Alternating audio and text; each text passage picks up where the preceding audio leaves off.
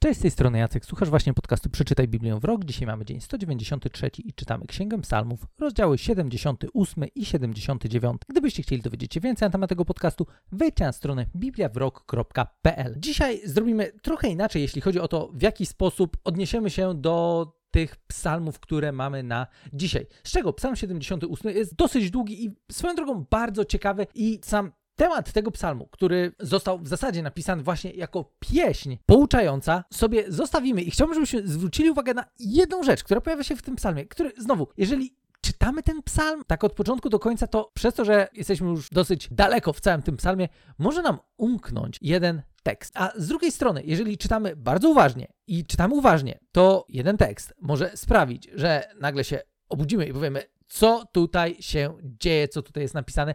I chodzi mi konkretnie o wersety 65 i 66, gdzie jest napisane: Pan obudził się jakby ze snu niczym wojownik uśpiony przez wino i uderzył na tył swoich wrogów, ściągnął na nich niezatartą hańbę. Kiedy czytamy taki tekst jak ten, to możemy sobie pomyśleć, ale w ogóle Bóg pał, pochlał, o co tutaj chodzi. Dla, w ogóle, wiecie, gdybyśmy zaczęli sobie rozmawiać i byście mnie pytali, hej, jaki, jaki jest Bóg? No to wiecie, no często tak jest, że my sobie odpowiadamy tak, że Bóg jest święty, wspaniały, cudowny, fajny, kochający, miłosierny, łaskawy. Jakby wiecie, rzucamy takimi hasłami, które no gdzieś ciężko czasami potraktować tak bardzo poważnie, bo brakuje nam zwyczajnie często obrazu.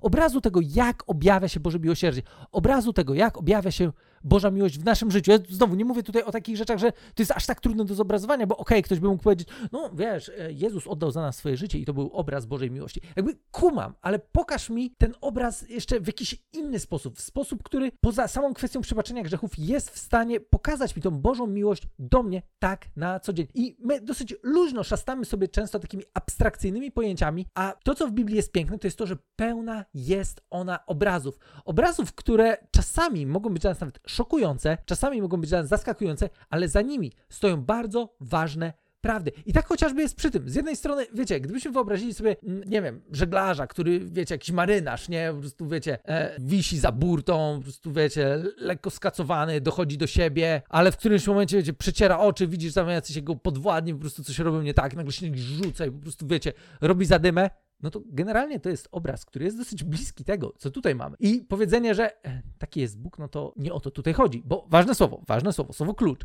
w tym tekście jest taki jakby. To jest obraz, który pokazuje nam w pewien sposób pewne podobieństwo tego, jak można sobie wyobrazić Boga w akcji pewnych konkretnych sytuacjach. A tutaj kontekst sytuacyjny jest taki, że Bóg okazuje swoją sprawiedliwość. I znowu, to czasami może być tak, jak już zresztą wydaje mi się, że przy kilku okazjach rozmawialiśmy, że w historii Izraela, którą czytaliśmy, wiele razy mogło się wydawać, że no dobra, ale gdzie jest Bóg, skoro to wszystko się dzieje?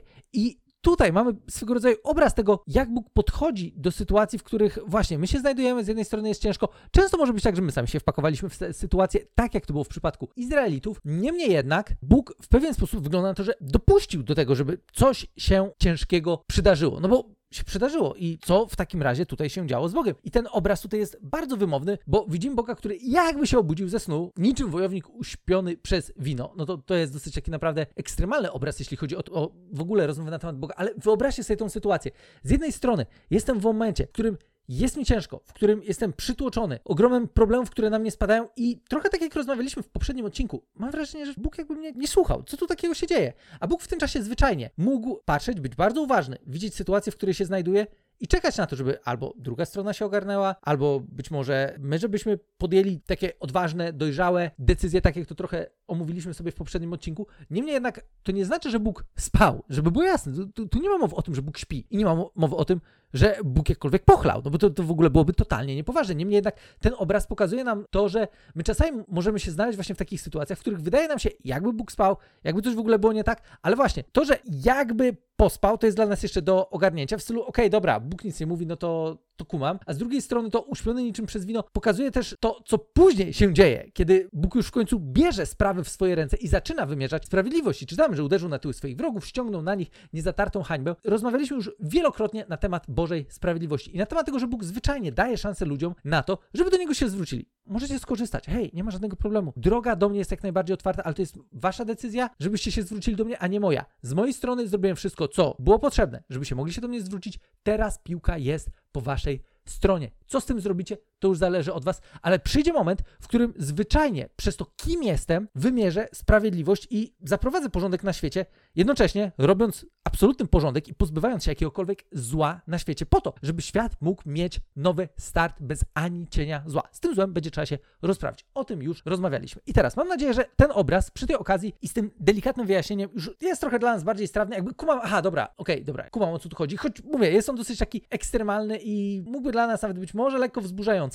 Niemniej jednak to jest napisane w Biblii. Szczerze mówiąc, gdyby to nie było napisane w Biblii i ktoś by coś takiego powiedział, to sądzę, że no, byłoby ciężko. Ale to jest coś, co jest napisane w Biblii i co więcej, w Biblii są inne fragmenty, inne historie, które też dla nas czasami mogą być takie trochę w stylu, e, no dobra, ale o co tutaj chodzi? Czy to, co ja właśnie przeczytałem, znaczy, że Bóg pochwala na przykład jakieś dziwne zachowanie? I żeby nie być gołosłownym, chciałbym, żebyśmy dzisiaj jeszcze też przeczytali sobie fragment z Ewangelii Łukasza z 16 rozdziału, sam początek, gdzie jest historia właśnie, którą czytamy i często jest takie, dobra, a co tutaj się w ogóle dzieje? Brzmi ona następująco. Jezus zwrócił się do uczniów. Pewien bogaty człowiek miał zarządcę, którego złośliwie oskarżono przed nim, że trwoni jego majątek. Wezwał go zatem i powiedział, dlaczego takie rzeczy słyszę o tobie? Przedstaw mi sprawozdanie swojej działalności, bo nie możesz już dłużej kierować gospodarstwem. Wtedy zarządca pomyślał sobie, hm, co mam zrobić, skoro mój pan odbiera mi urząd? Do ciężkiej pracy sił już nie mam, a żebrania się wstydzę. Ale wiem, co by mnie przyjęli do swoich domów, gdy już zostanę zdjęty ze stanowiska i wezwał po kolei każdego z dłużników swego pana. Pierwszego zapytał, ile jesteś dłużny mojemu panu? Sto baryłek oliwy, powiedział. Zarządca na to, bierz swoje pokwitowanie, siadaj tu czym prędzej, pisz 50. Drugiego zapytał, zapytał, a ty jaki masz dług? 100 korców pszenicy, odpowiedział. Zarządca na to, bierz swoje pokwitowanie i pisz tu 80. I pan pochwalił nieuczciwego zarządcę, że tak przezornie postąpił. Z tej historii wynika, że dzieci tego wieku bywają w stosunkach między sobą przezorniejsze niż dzieci światła. I tu kończy się historia, którą opowiada Jezus. Jeżeli tu postawimy kropkę, co Często też w Bibliach, jak mamy nagłówki, to, to akurat też w tym tłumaczeniu, z którego ja korzystam, e, później mamy nagłówek, jakby kolejną historię. Niemniej, no właśnie, w tym miejscu czytamy i tak myślimy sobie, czy ja właśnie przed chwilą przeczytałem, że ten pan pochwalił to, że gość był nieuczciwy? I teraz i tak, i nie, bo z całą pewnością pan pochwalił go za jego zachowanie i pochwalił go za jego przezorność, ale w żaden sposób nie pochwalił go za to, że orżnął go na kasę. No bo to jest tutaj przedmiotem całej akcji. Ten sługa orżnął swojego pana na kasę po to, żeby zaskarbić sobie względy innych ludzi. I wciąż możemy do tego miejsca sobie to posłuchać i pomyśleć, no dobra, ale ta historia jest co najmniej pokręcona. Niemniej jednak z wyjaśnieniem tej historii przychodzi nam Jezus, który zaraz dalej, to jest ważne, żebyśmy czytali w kontekście i żebyśmy czytali całość, zaraz dalej w wersecie kolejnym mówi nam podsumowanie tego, co tutaj się dzieje. Ja wam mówię, zjednujcie sobie przyjaciół pieniędzmi niesprawiedliwego świata, aby, gdy czas pieniądza przeminie, przyjęli was do wiecznych przybytków. Jezus pokazuje, że nie, tutaj absolutnie nie chodzi o to, że ktoś kogoś orżnął na kasę. Tutaj chodzi przede wszystkim o to, że ktoś skorzystał z pieniędzy po to, żeby zdobyć przyjaciół. I to jest coś, co Jezus bardzo pochwala i co wręcz pokazuje nam jako wskazówkę dla naszego życia. I co więcej, to nie jest wskazówka tylko z perspektywy naszego doczesnego życia, bo Jezus tutaj mówi: zjednujcie sobie przyjaciół pieniędzmi niesprawiedliwego świata. Czyli korzystajcie z tego, co świat wam daje. Korzystajcie z tego, co być może wydaje wam się nawet być nieczyste, może niewłaściwe i tak dalej. Ja nie mówię tu o grzechu, tak, żeby było jasne, bo pieniądze znowu same w sobie nie są grzeszne. To, co z nimi robimy, może być. Niemniej jednak same w sobie, no, moglibyśmy sobie porozmawiać na temat tego, czym w ogóle są pieniądze, do czego służą, bo mam wrażenie, że czasami e, nie do końca to łapiemy, jeżeli wydaje nam się, że ten papier, który mam w celu, to jest jakikolwiek pieniądz. To, zresztą w dzisiejszych czasach to chyba już lepiej widać niż jakkolwiek, co warte są pieniądze. I właśnie, Jezus tutaj nam daje bardzo ważną lekcję. Wykorzystajcie to, co nawet może wam się wydawać być zaskakujące do tego, żeby wykorzystać, jednocześnie nie grzesząc, żeby było jasne, po to, żeby zdobywać sobie przyjaciół.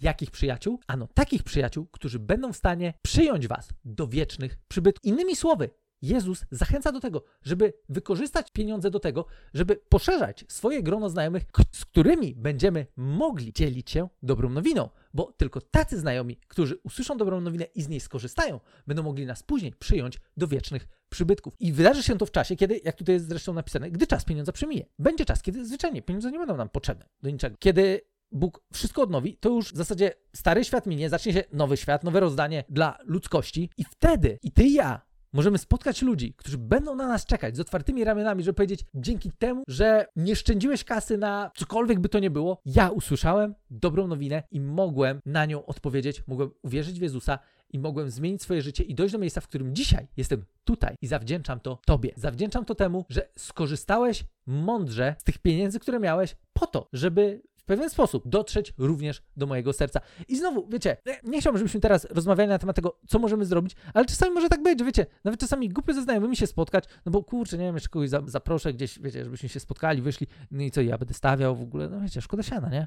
Wiecie, jak jest. Zresztą przy dzisiejszych cenach, to czasami może tak być, że możemy sobie pomyśleć, nie, no dobra, to może jednak, no sobie odpuśćmy. Niemniej jednak Jezus nam pokazuje, hej, właśnie takie sytuacje mogą być zainspirowane przeze mnie po to, żebyś ty z jednej strony zdecydował się na wykorzystanie tych zasobów, które masz, po to, żeby budować wartościowe relacje z ludźmi, którzy jeszcze mnie nie znają, którzy później będą mieli okazję do tego, żeby mnie poznać, dzięki temu, że będą blisko ciebie, blisko twojego życia, zobaczą mnie w tobie, po to, żebym ja mógł również przemienić ich życie. To jest taka ogólna lekcja tego, co tutaj dzieje się w tej przypowieści o tak zwanym nieuczciwym zarządcy, który zdecydowanie był nieuczciwy, to był w ogóle kanciarz, bez dwóch zdań. Ale Jezus na przykładzie tego kanciarza pokazuje nam, w jaki sposób możemy robić użytek z materialnych rzeczy, które właśnie mogą dla nas nawet być niekoniecznie takie, hej, hej, wolę się od tego trzymać z daleka, po to, żeby docierać z jego przesłaniem do ludzi, którzy jeszcze go nie znają. Biblia jest pełna historii i tekstów, które dla nas może czasami będą się wydawały być zaskakujące, może nawet trochę oburzające, ale jednocześnie, kiedy przyjrzymy im się dokładnie, to jesteśmy w stanie odkryć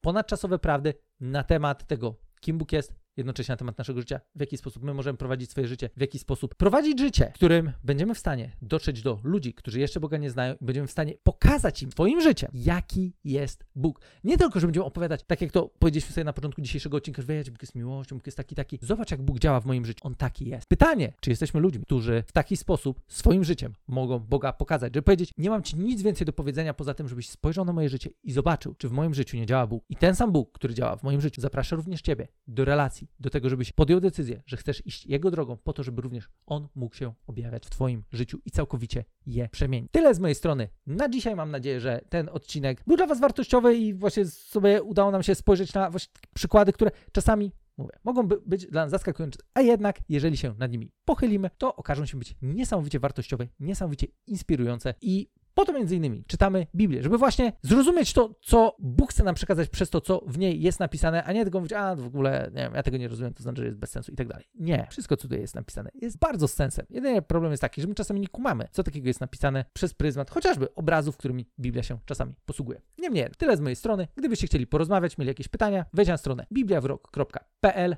tam możemy sobie dalej rozmawiać, dyskutować, gdybyście mieli na to ochotę i słyszymy się już jutro w kolejnym odcinku.